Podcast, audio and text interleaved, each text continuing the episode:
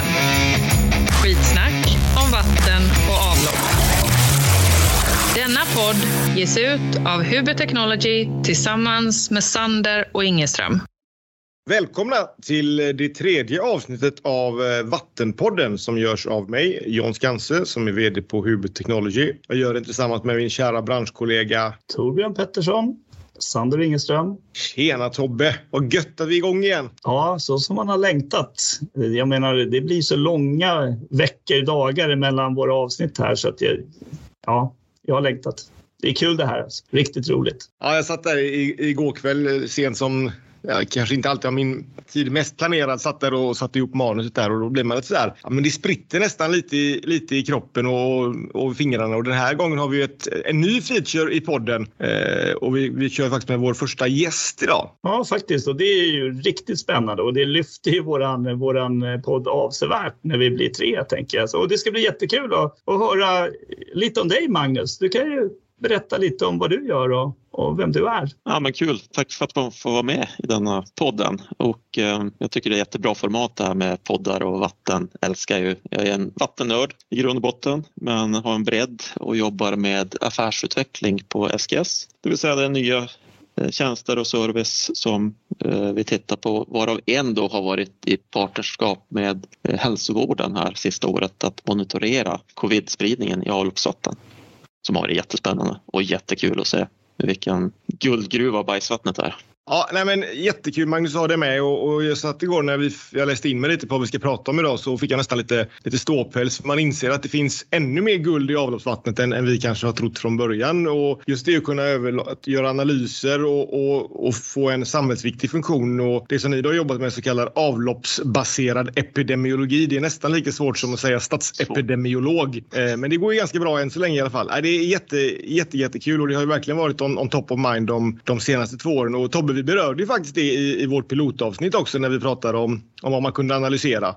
Ja, verkligen. Och så det, det, här ska bli lärorikt och intressant och försöka förstå hur det går till och vad man gör. Och, ja, jättespännande, Magnus. Jättekul att du är med. Vi kanonglada, eller hur John? Ja, och det precis som Tobbe sa, det känns som att legitimiteten ökar avsevärt. Så vi tackar för det också, att du kan, kan bidra, med, bidra med det till, till våran, våran diskussion här. Men, men om inte annat så måste vi också prata lite om, om omvärlden då. Det, det är ju ändå en, en annorlunda tid vi lever i igen nu kan man väl säga då. Och, eh, ja, men Tobbe, hur, hur påverkas ni av, av vad som händer i, i omvärlden med Ukraina-kris och annat? Ja, men förutom rent personligen, liksom medarbetare, kollegor och så där, så är alla väldigt oroliga för utvecklingen i i, Ukraina naturligtvis. Och allt det mänskliga lidandet och ekonomiska osäkerheter och sådär som, som drabbar oss alla så, så ser vi också då, jag var ute förra veckan och, och, reste runt med en av våra säljare och, och, träffade lite kunder i södra Sverige och mötte våren. Det var ju trevligt i sig. Men det är också så att, att vi var ombedda att komma då till, till Via Syds anläggning Sjölunda för att vi skulle eh, inventera deras reservdelslager och på något sätt ge dem rekommendationer och, och någon typ av support för att säkerställa sin drift. Och det är ju liksom en lite ny trend och den, den fanns faktiskt i inledningen av covid-pandemin också. Jag gjorde liknande uppdrag för Stockholm Vatten.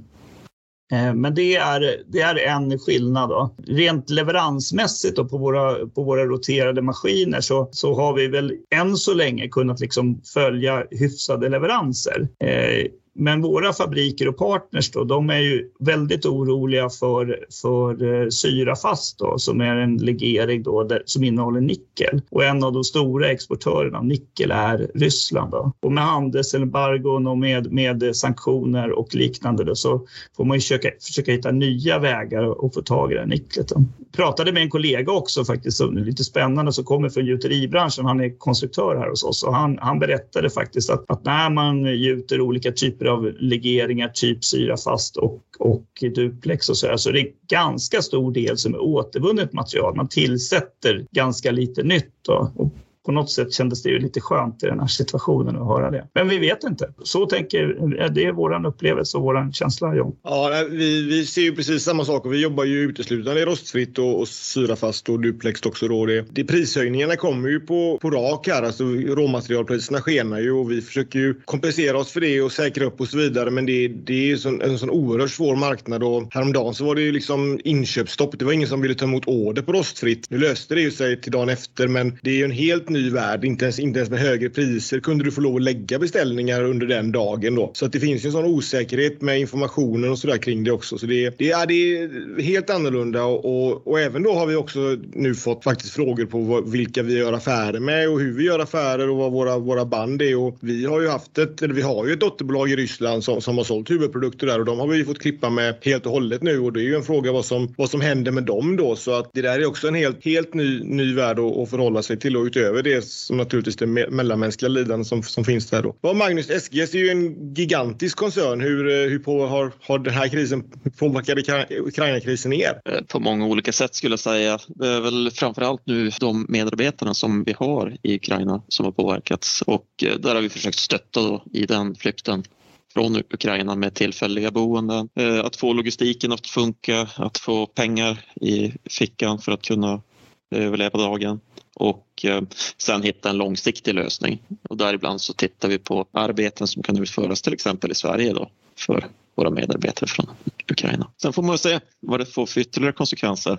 Eh, och eh, vi påverkas ju naturligtvis också av energiprisuppgången. Bränslepriserna ökar ganska kraftigt. Vi transporterar prover eh, så att det innebär fördyringar. Sen så har vi ju mycket plast i våran eh, verksamhet, alltså pipettspetsar till exempel eh, som har varit ett globalt bristproblem lång tid. I samband med att man började tillverka vaccin så behövdes det enorma mängder pipettspetsar och den har lett till att vi på labbet för att analysera olika delar har haft brist, haft slut Eh, vissa dagar och eh, fått hitta backup-lösningar vilket i sin tur har lett till att vi byggt upp stora lager i Europa, i Asien och i Amerika då för att ha hubbar där vi kan lagra saker eh, som är allmänt känt att det kan bli supply chain Eh, bekymmer med. Det är spännande varje dag man kommer till jobbet och ser vad utmaningen är. Vi behöver ju lösa svaren i tid. Och det som har varit skönt bara, det är ju att vi har haft medarbetare som har varit på plats under den här krisen också och kunna jobba. För det är mycket manuellt arbete att flytta prover, att eh, hantera prover på laboratoriet. Eh, och där vart vi också utsedd av MSB som en samhällsviktig aktör tillsammans med många andra.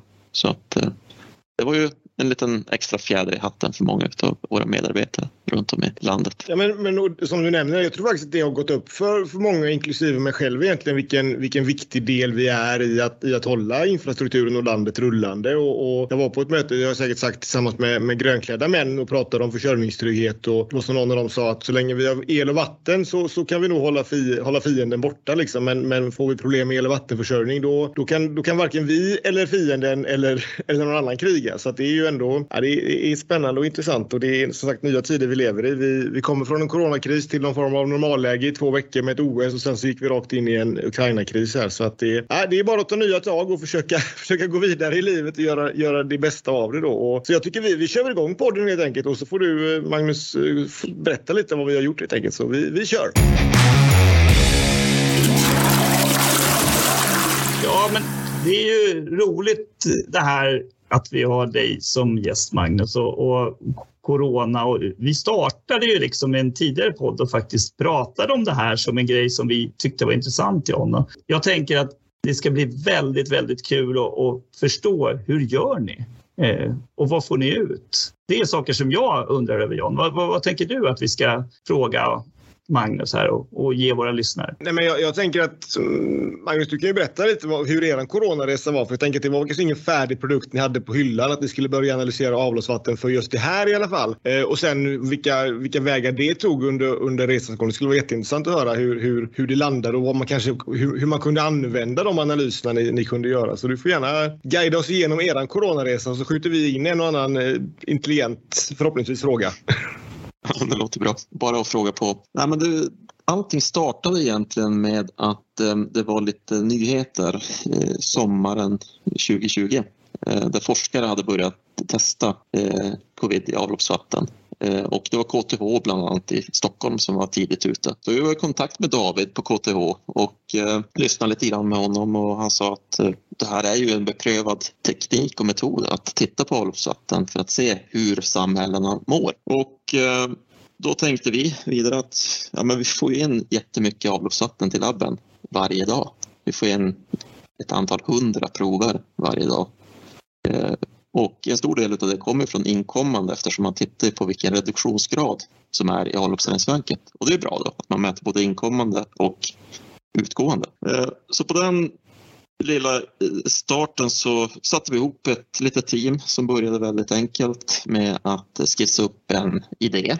Eh, idén var då att vi använder det provflödet som vi har, det vill säga att för avloppsreningsverket så blir det inget merarbete utan de tar ut sitt inkommande vatten. Vi kör BOD och COD och fosfor och kväve på det när det kommer in. Sen så lägger vi till en haltbestämning utav covid i inkommande avloppsvatten. Eh, och den tilläggsinformationen är ju inte för eh, avloppsreningsverken så stor nytta utan det, det lärde vi oss ganska snabbt att det är andra aktörer som är intresserade av den informationen. Det kan vara i kommunen till exempel vad gäller planering, eh, krisledning men framför allt inom hälso och sjukvården. Så att det är ju, i Sverige har vi regioner och då är det ett antal regioner som eh, har nytta av den informationen. Eh, att kunna få en objektiv bild av hur spridningen utvecklas i samhällen. Och det gjorde att vi lyfte luren till Region Östergötland och eh, pratade med dem om det var som så att de skulle vara intresserade av att göra någonting tillsammans med oss och ta steget från forskning där man kör kanske fem prov i månaden och ha en svarstid på 20 dagar till att industrialisera den här testningen och köra i våra stora testfabriker. Så det var idén. Och då eh, tyckte de att det lät jättespännande. Eh, för de såg ju också hur man runt om i världen hade nyttjat det här under eh, vintern egentligen 2020. Man var tidigt ute i Holland, man var jättetidigt ute i Australien och i USA där vi också har verksamhet. Ehm, så att det vi gjorde då det var att vi nyttjade vårt center i Tyskland eh, som hade uppsatt den här analysen då covid i avloppsvatten och transporterade ner proverna dit enligt den modell som vi har, hub and spoke-modell, för att kunna serva våra kunder globalt. Och eh, kom igång. Eh, det blev ett enormt sug av den här informationen så att eh, man ville ha mer. Ehm, vi upptäckte vissa, vissa utmaningar i början, vad vill du erkänna, i olika aspekter. Men innan du springer in på det, jag tänker att det, det, det, det säljsamtalet där till, till eh, Region eh, Östergötland, det måste ha varit ett av de varmaste säljsamtalen du någonsin har ringt, tänker jag, eller?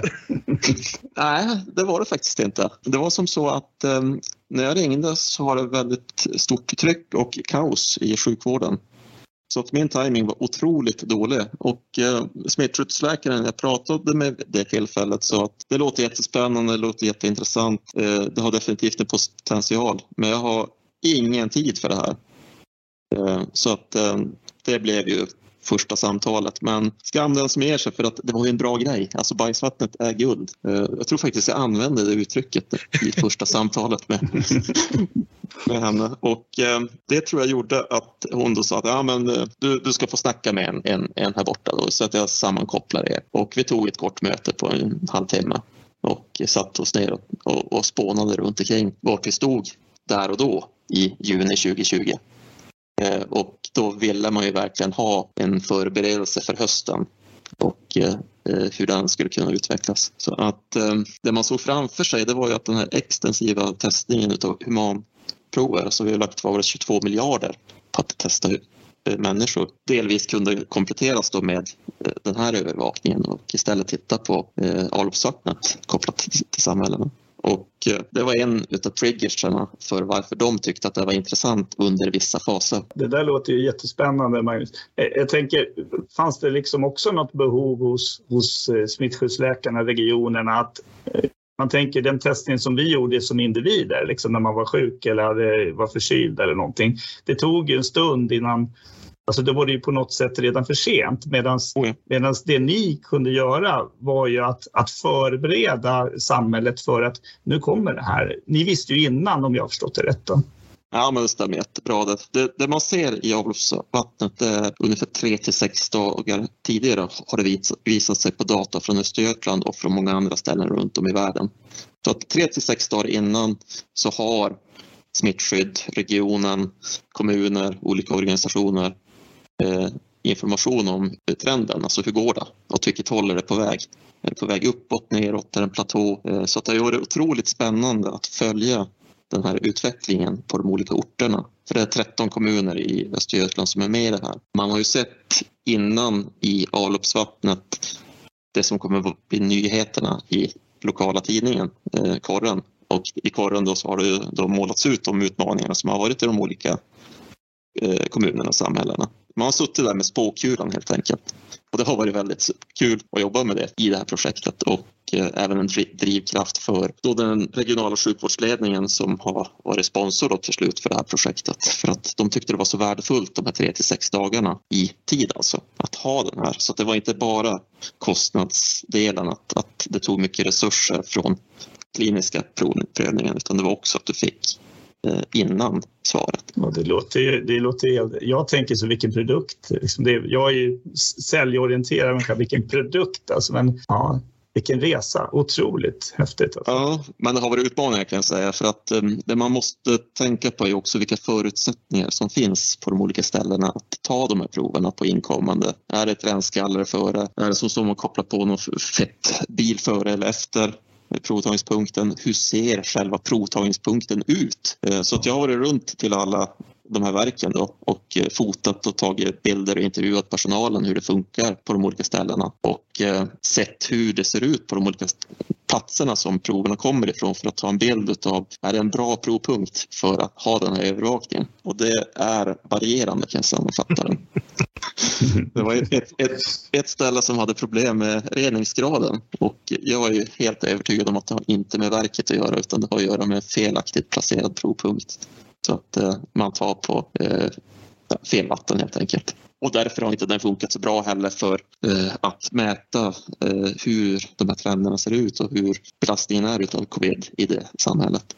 Men de lägger ju jättemycket pengar på att bara utreda hur de ska komma till rätta med de här reningsgradsproblematiken som kostar otroligt mycket. Då landar vi ju i den gamla klassiska sanningen skit in, skit ut. Det gäller ju, det gäller ju reningsverk ja. också och det gäller ju uppenbarligen provtagningspunkter också. Men, men nu blir man ju lite tekniskt intresserad här, nörd som man är. Vad, vad är den optimala provtagningspunkten då för att kunna för att kunna detektera corona och jag antar också för, för att kunna detektera rätt nivåer i inkommande avloppsvatten. Ja, men eh, en bra punkt, det skadar ju inte att ha fått bort lite med ett renskaller.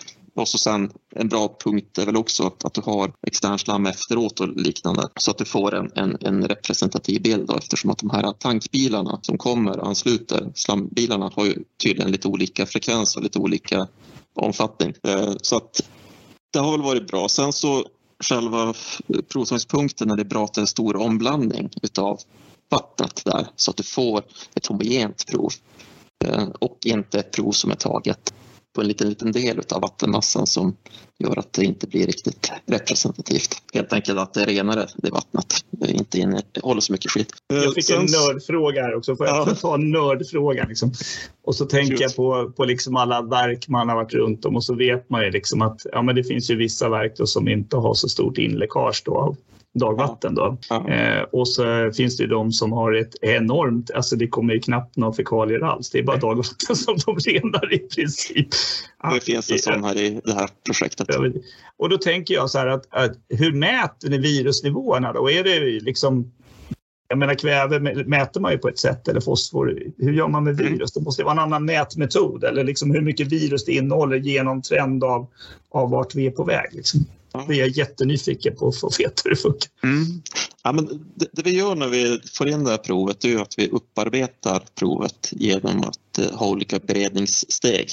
Eh, så att det är till exempel en centrifugering och filtrering av proverna. Sen så är det en pipettering och RNA-extraktion som vi gör för att köra det på en PCR så att vi tittar på eh, RNA i i, i det hela och mäter nivån utav det och utefter hur många Eh, CT, eh, vilket CT-värde vi får på den PCR-körningen så kan man sedan bakvägen räkna ut en halt eh, som vi då har kalibrerat emot.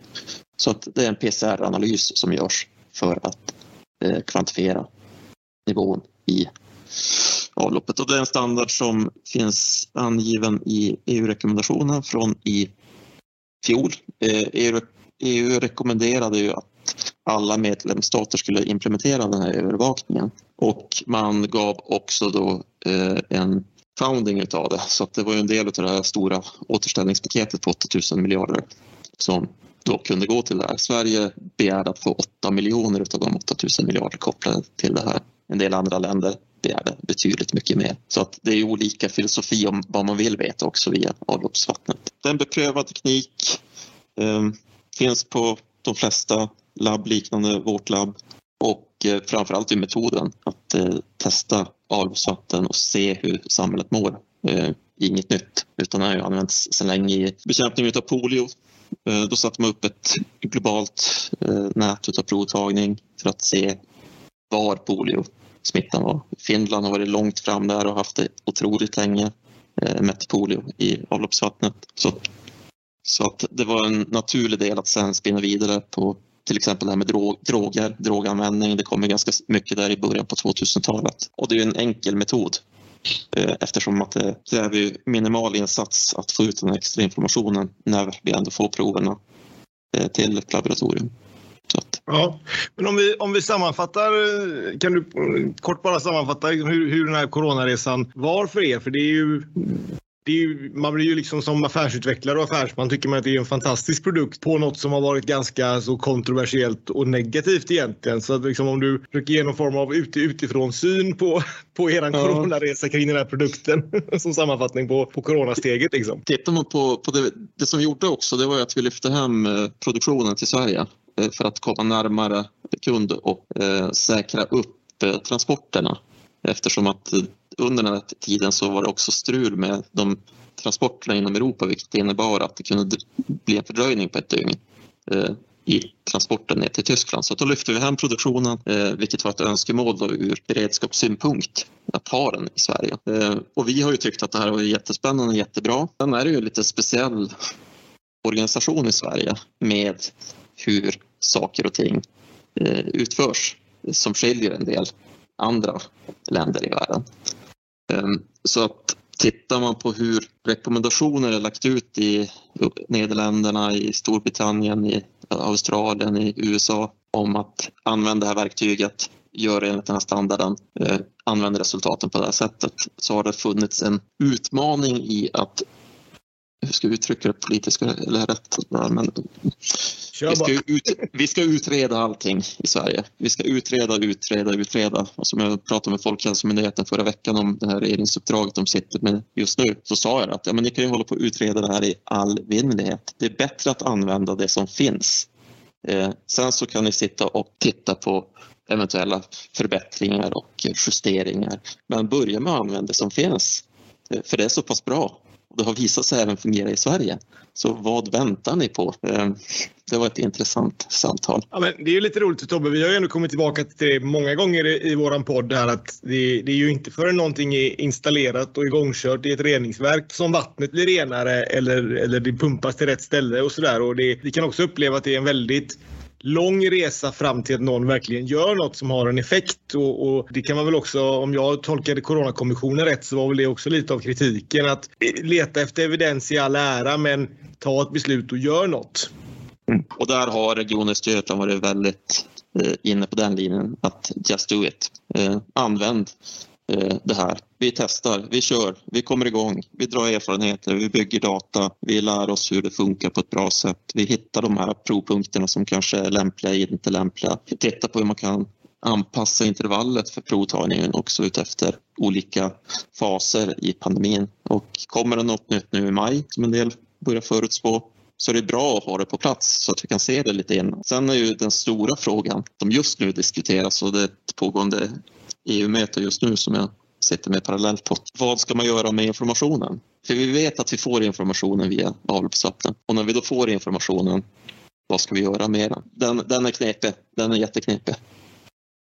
Ja, men det, men det är väldigt, väldigt spännande ämne. Alltså, det är eh, grymt kul att höra er att, att någon som verkligen varit en del i, i, i coronabekämpningen på, eller i vart fall att fördela information kring det. Jag tycker det var jätte, jättespännande. Vi eh, går vidare i podden alldeles, alldeles strax. Tobbe, har du något mer, något mer du vill skjuta in kring coronafrågan? Jag tror jag aldrig varit så tyst i hela mitt liv. Nej, jag skulle säga det. Vad hänt? Ja, alltså jag, jag är starstruck. Yeah. Nej, men det är otroligt häftigt. Det, det, det snurrar ju tankar i huvudet då. Liksom, vad skulle man kunna göra med det här? Jag menar, man skulle ju till exempel kunna liksom detektera sjukdomar i stort i samhället och liksom köra det mot sjukskrivningar kanske. Liksom. Det finns oändliga ja, möjligheter. Och det gör man. Ja, oss, men inte i låt oss Sverige. djupa oss i det eh, alldeles, alldeles strax helt enkelt. Ja, jättespännande Magnus. Men vad, vad, vad, är det, vad är det man gör idag utöver coronamonitorering som ni, som ni lägger mycket energi på? Det, det som görs idag är ju att man tittar på droger och tittar på droganvändningen, trenderna i olika kommuner och olika städer och kan då jämföra Eh, via liknande dashboards som finns på covid nu. Att man tittar på Europa, hur mycket droganvändning har vi i Stockholm, Berlin, eh, Frankfurt eh, och så vidare. Och den syftar ju till att ge det här objektiva underlaget till annat arbete som görs för att komma till rätta med droganvändning, drogförsäljning. Eh, som jag pratade med båtgrannen våran att det är spännande också om man kan se när partierna kommer in och hur olika sammansättningar utav kriminella nätverk eh, behärskar olika delar utav eh, marknaden också för att man ser ju väldigt tydligt i eh, vad det är för typ av droger vilka nätverk som ligger bakom försäljningen. Skulle man kunna tänka sig då att man tog prover i ett antal pumpstationer i en, i en större stad så kan man säga att ja, i stadsdel B där gäng C finns så har vi nu fått in ett större... Ja, det finns säkert ett eget, en del eget bruk också när det kommer in lite färska goda grejer. Ja, kan man då precis. se att, det liksom, att då skulle man i, i, teorin skulle man kunna förutspå en, en brotts, brottsvåg eller i alla fall en ökning. Ja, en brottsvåg helt enkelt tänker jag. Kan, kan man Ja, dra sådana slutsatser? Det är en indikator i alla fall på att, att, att det är någonting som är på väg att ske och eh, definitivt här i Linköping till exempel har vi 103 stycken pumpstationer som är möjliga att sätta ut automatiska provtagare på. För det man gör är att du tar ett prov under ett dygn då så att du fångar upp det och sen så får man välja ut vilka dagar man tar det så att det blir lämpligt också. Och det finns olika tidsperioder. 72 timmar använt här i Östergötland just generellt på, på den typen av prover. Ehm, men ehm, skulle man göra det mer frekvent än vad man gör det idag så absolut. Då skulle man ju ta och kunna få den bilden utav hur eh, det utvecklas, hur det mås, eh, vad det är för något nytt som kommer in på marknaden. Eh, Och sen så är det polis och det är ju socialtjänst, eh, det är länsstyrelse som, som är med på det här, sådana typer av samverkansmöten eh, och liknande. Man får inte skoja om sådana ämnen egentligen, men jag, jag kan ju inte låta bli och jag gillar ju lite skämt och så. Men tänker man ju så att de kriminella då, de, de kommer man kunna identifiera för de kommer ju stå och pissa i buskarna sen istället för på toaletten. för, för att förstöra in datan och behålla sin lokala marknad för sig själv. Liksom. Du får köpa ett gram av mig, jag förutsätter att du aldrig går på toaletten. Det är väl ganska anonym den branschen som vi är i. Det är inte så många som vet vad ett avloppsreningsverk är. Jag fick berätta för mina barn vad det var för ett antal år sedan och de hade ingen aning trots att jag har jobbat med det här hur länge som helst. Jag hoppas att, att, att, att, att, att, det, att det inte blir så. Men Men jag tänker om man ska, om man ska inte bara titta på negativa saker som, som corona och droger och sådär. Men kan, finns det liksom finns det folkhälsoparametrar som man kan analysera också? Jag tänker blodfett kanske är svårt att analysera i avloppet, men jag tänker att eller hur, hur, hur jobbar ni på det och vad, vad är den globala trenden där? Eh, det, det som är globala trenden är framför allt att titta på olika influensa och norovirus och den delen. Eh, även ant, eh, antibiotika och antibiotikaresistens är intressant. Och parasiter till, till exempel som Cryptosporidium och gardia i, i övervakningen. Men det finns en massa forskning på just den här hälsobiten. Eh, inte riktigt något som vi har kommit igång med i industriell testingskala ännu. Utan den ligger nog en bit bort. Eh, Men det ska bli jättespännande att se vad framtiden ger oss. Jag tror att det skulle vara bra att vad ska man säga, gifta ihop VA med hälso och sjukvården som jag förstått att de har suttit ihop med er tidigare och att de nyttjar den här datan som finns och den här lite passiva provtagningen. Du, du var inne på Tobbe, att eh, alla, eh, eller många, går på toaletten och det gör man utav rutin. Och det är ju en passiv provtagning. Du behöver inte stoppa upp en svabb i näsan utan du, du går där och du får den här eh, reflektionen utav hur samhället ser ut vid ett givet tillfälle och kan följa trenden på det. Kanske i förlängningen också då förändra bemanningen lite grann. I, i, ja, men om du vet att, att nu är det på gång en, liksom en, en samhällsvanlig smitta. Liksom. Då kan man ju ha lite mer tid på sig att rampa upp sin sjukvård och sin personal. Och Definitivt. Definitivt. Och eh, det man också tittar på nu det är ju varianterna i avloppet. Eh, så att eh, här i morgon så kommer vi köra en så kallad NGS-analys. Det är en så här stor sekvensering som du gör av hela genomet i provet. Så att vi har upparbetat prover där vi har kvantifierat vad vi har för halt av covid. Sen så går man vidare och tittar på djupare nivå vilka varianter som finns och då tittar man inte bara mot de kända biblioteken utan också är det någon ny covid-variant som vi har här i de här två kommunerna som vi nu testar i imorgon då, i Östergötland. Och eh, det är spännande att se när man kommer ner på en så kallade NGS-analyser vad man kan få ut för typ av information. Ett annat projekt där man tittar på insekter och eh, då är man också intresserad av vad äter insekterna? Och då använder man samma typ av teknik här som vi gör för avloppsvattnet, att upparbeta proverna, eh, att köra eh, en gässanalys för att se vad de har käkat. Ja, det är en hel box av möjligheter som öppnar sig och det är bara kreativiteten som begränsar oss just nu tror jag i vad man kan använda det till. Ja, det är jättehäftigt. Alltså, Tobbe, jag har nog aldrig hört dig så, så tyst som, som när, vi, när vi inser det här. Men jag tycker det bekräftar ju bara våran, det bekräftar ju våra gamla teser att det, det finns, eh, det finns jävligt mycket skit i avloppet som man ska ta vara på för där kan man lära sig många saker om det. Och, och sen också tesen att man ska, det är bättre att göra något nu än att, än att vänta, vänta med att göra något. Så det är jätte, jättekult att lyssna på Magnus. Ja, verkligen. Och tänk en annan sak där John, liksom en reflektion. Så det är mer än att bara köra bussarna i stan va, på, på biogas. Det här är ju verkligen liksom en möjlighet att lyfta hela vår bransch och hur viktig den är. Liksom det, det är kanske därför jag blir så tyst. För att jag har, har suttit och liksom tyckt att när man har pratat om det man har jobbat med i många år nu så ja, det har ju varit så sekundärt och inte speciellt intressant. Men med den här kopplingen, då inser man ju verkligen, det är inte bara en ren miljö vi jobbar för. Det är ju för en total samhällsnytta och det, det tycker jag är wow. Wow! Mm. Ja, det vore coolt om vi kommer dit. Ja, men, och, och bara för att dra tillbaka det till våra, våra enkla, det som du jobbar med Tobbe som kanske är lite enklare att installera ett galler. Men, men precis som du är inne på Magnus, likväl i våran kunskap om hur vi bygger upp reningsverket och var vi sätter en, en fördelningslåda, om vi rör om eller inte. Alltså sån, sån basic av hur du processar ett reningsverk av stor vikt för att kunna göra de här sakerna. Så att jag, det finns ju en koppling ja. mellan den 200-åriga tekniken som vi jobbar med, med att pumpa saker och, och sila saker och top notch tekniken av att sekvensera RNA för att få ihop en, en, en coronaprofil. Eh, den kopplingen är ju fantastisk och när vi pratar om, det är ju en sak som vi pratar om i, i vattenindustrin där, där jag och Tobbe är med, det är mycket om hur ska vi ha en kompetensförsörjning till, till branschen. Men, men det som du beskriver här, jag, jag har ju oerhört svårt att tänka att ingen av kidsen idag som är intresserade av framtiden tycker att det skulle vara coolt att jobba med det som du beskriver. Och kopplingen tillbaka till det som vi gör. Så är det är riktigt, riktigt roligt alltså. Mm. Vi, får, vi, får, glänsa på den lilla kanten John av vår långa erfarenhet av att bygga liksom, saker och roterande maskiner. Att vi är ändå en del av ett större sammanhang. Det, det var det jag försökte det, få ihop ja, här. Jajamensan. bra ändå. Ja, nu känns det bättre att jobba lite till här. Nu kör vi på några år till. Ja, ja, men det, det, det, det, är kul. Det är motiverande att gå upp på dagarna när man vet att man har sådana här stimulerande projekt. Och det är väl också en, en fara när man jobbar med affärsutveckling att man drar med ganska många i organisationen som ger det där lilla, lilla extra som inte alls förväntas av någon. Vilket gör att man kan göra de här kliven ganska snabbt. Så att man får ta hand om alla runt omkring också så att det inte går i Magnus hastighet alltihop utan att det går att alla är med på tåget. jag, jag, jag tror jag förstår vad du menar. Jag kan ha upplevt det själv någon gång också. Eller Tobbe, vad, vad, vad tänker du?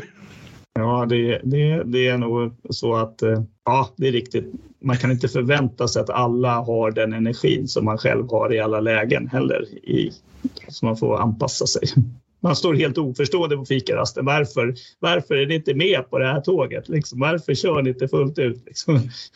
Men det är klart att ja, så är det. Det är väl nästa styrka att, att vi, vi alla är olika då. Ja, nej, men vi, vi, eh, superintressant. Vi tar och går vidare till, till och försöker stänga det här avsnittet om en eh, liten stund.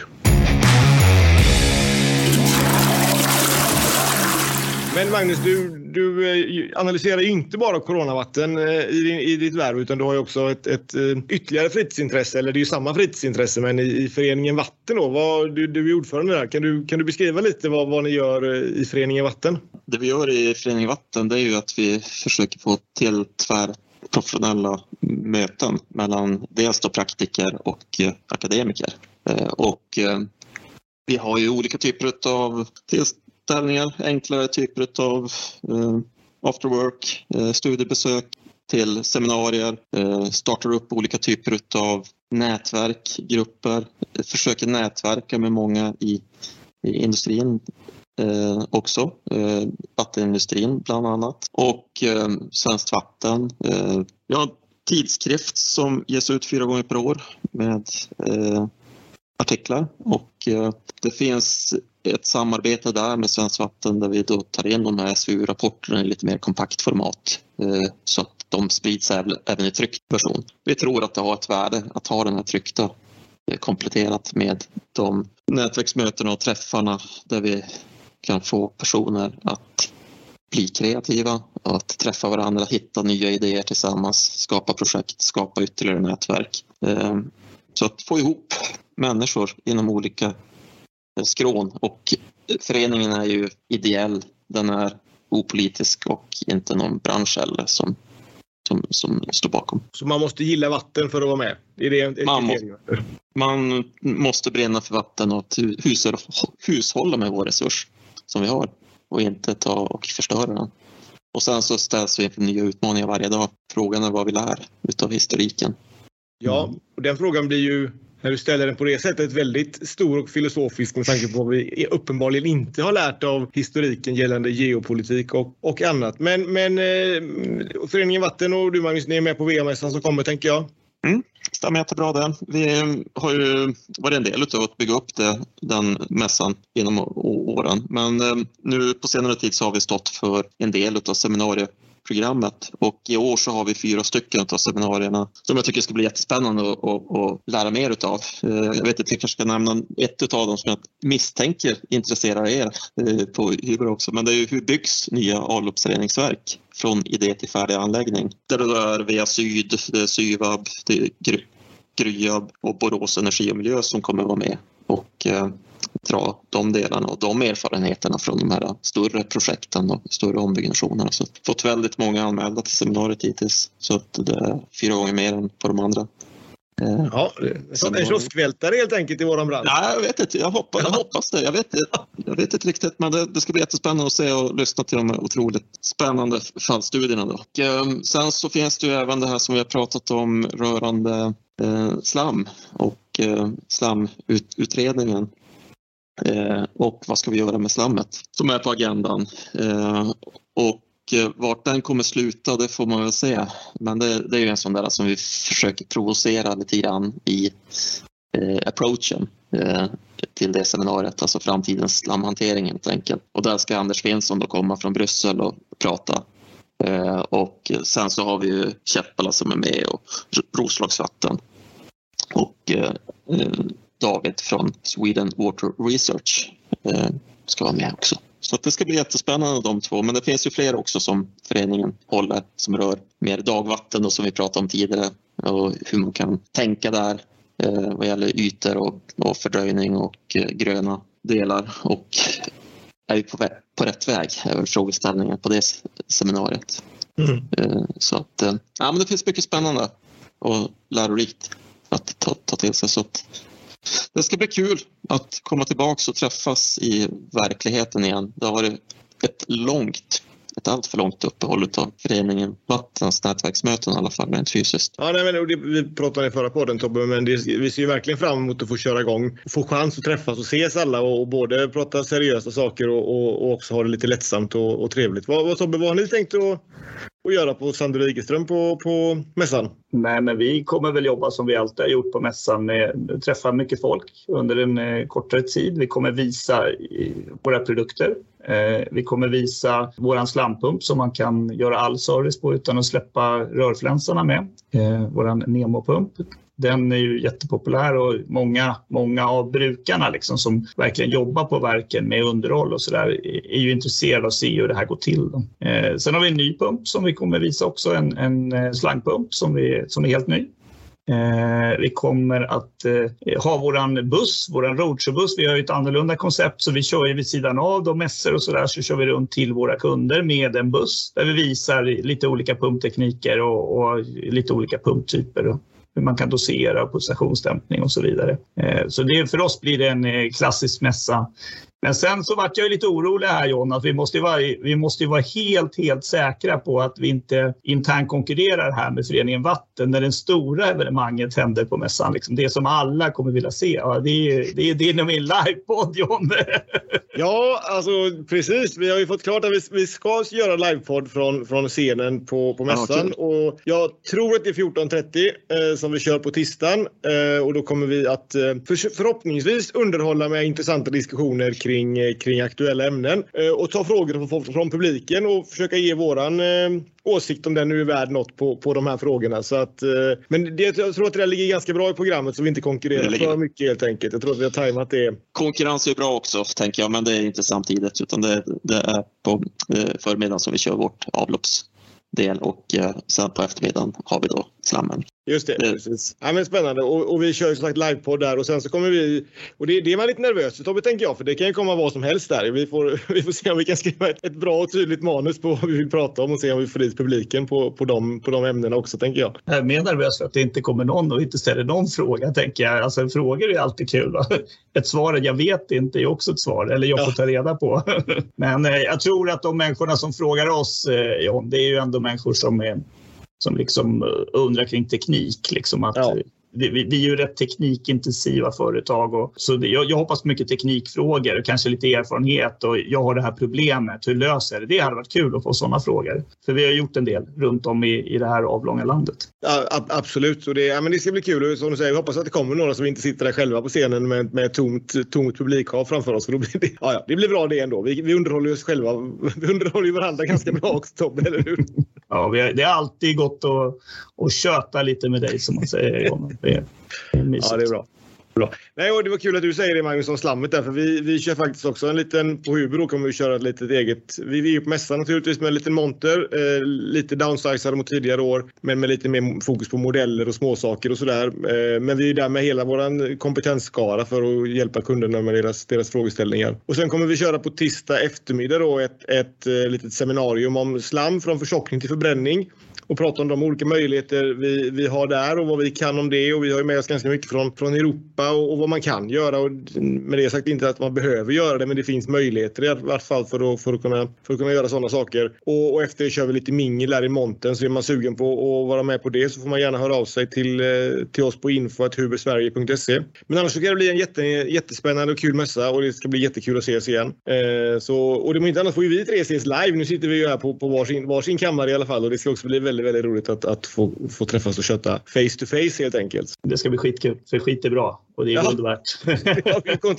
ja, eh, Men eh, det, det, är också lite kul när man hör trender eftersom jag var ute förra veckan och hör med, med kunderna. Då. För det här är ju liksom någonting som jag tror är extremt viktigt kring mötesplatsen för, för VM-mässan. Att, att kunderna verkligen får komma dit. Att våra beställare får komma dit och att, att de är där och tar, det här på, tar den här chansen nu att, att göra det här till ett, ett bra event, eh, ta del av informationen och, och alla nyheter som finns. Så det hoppas jag på blir mycket besökare. Men så lät det faktiskt när jag var ute och pratade förra veckan. Att, mm, nej, men vi kommer med några och vi åker över dagen och vi sover över. Jag tycker vi har fått, fått, samma, fått samma tendenser helt enkelt. Ja, nej, men bra. Eh, stort tack, framförallt stort tack Magnus. Alltså, vilken fantastisk story. Det här kommer vara det bästa poddavsnittet ever. Eh, och, ja, tack. Så det ska du, tack själv får man ska du verkligen ha, ha, med dig att du har, har förgyllt, förgyllt vår tillvaro. Och, eh, tack Tobbe som vanligt för en, för en trevlig stund. Ja, tack John. Eh, det här blir hard to beat. Och, det var kul att få vara med grabbar. Vi kommer tillbaka fler gånger om vi, när vi har nya, nya intressanta eh, pandemier att hantera så får vi se hur, hur vi gör med dem. Bra, men då så. Stort tack och ha en fortsatt trevlig vecka. Hej då! Vattenpodden. Skitsnack om vatten och avlopp. podd ges ut av Huber Technology tillsammans med Sander och Ingeström.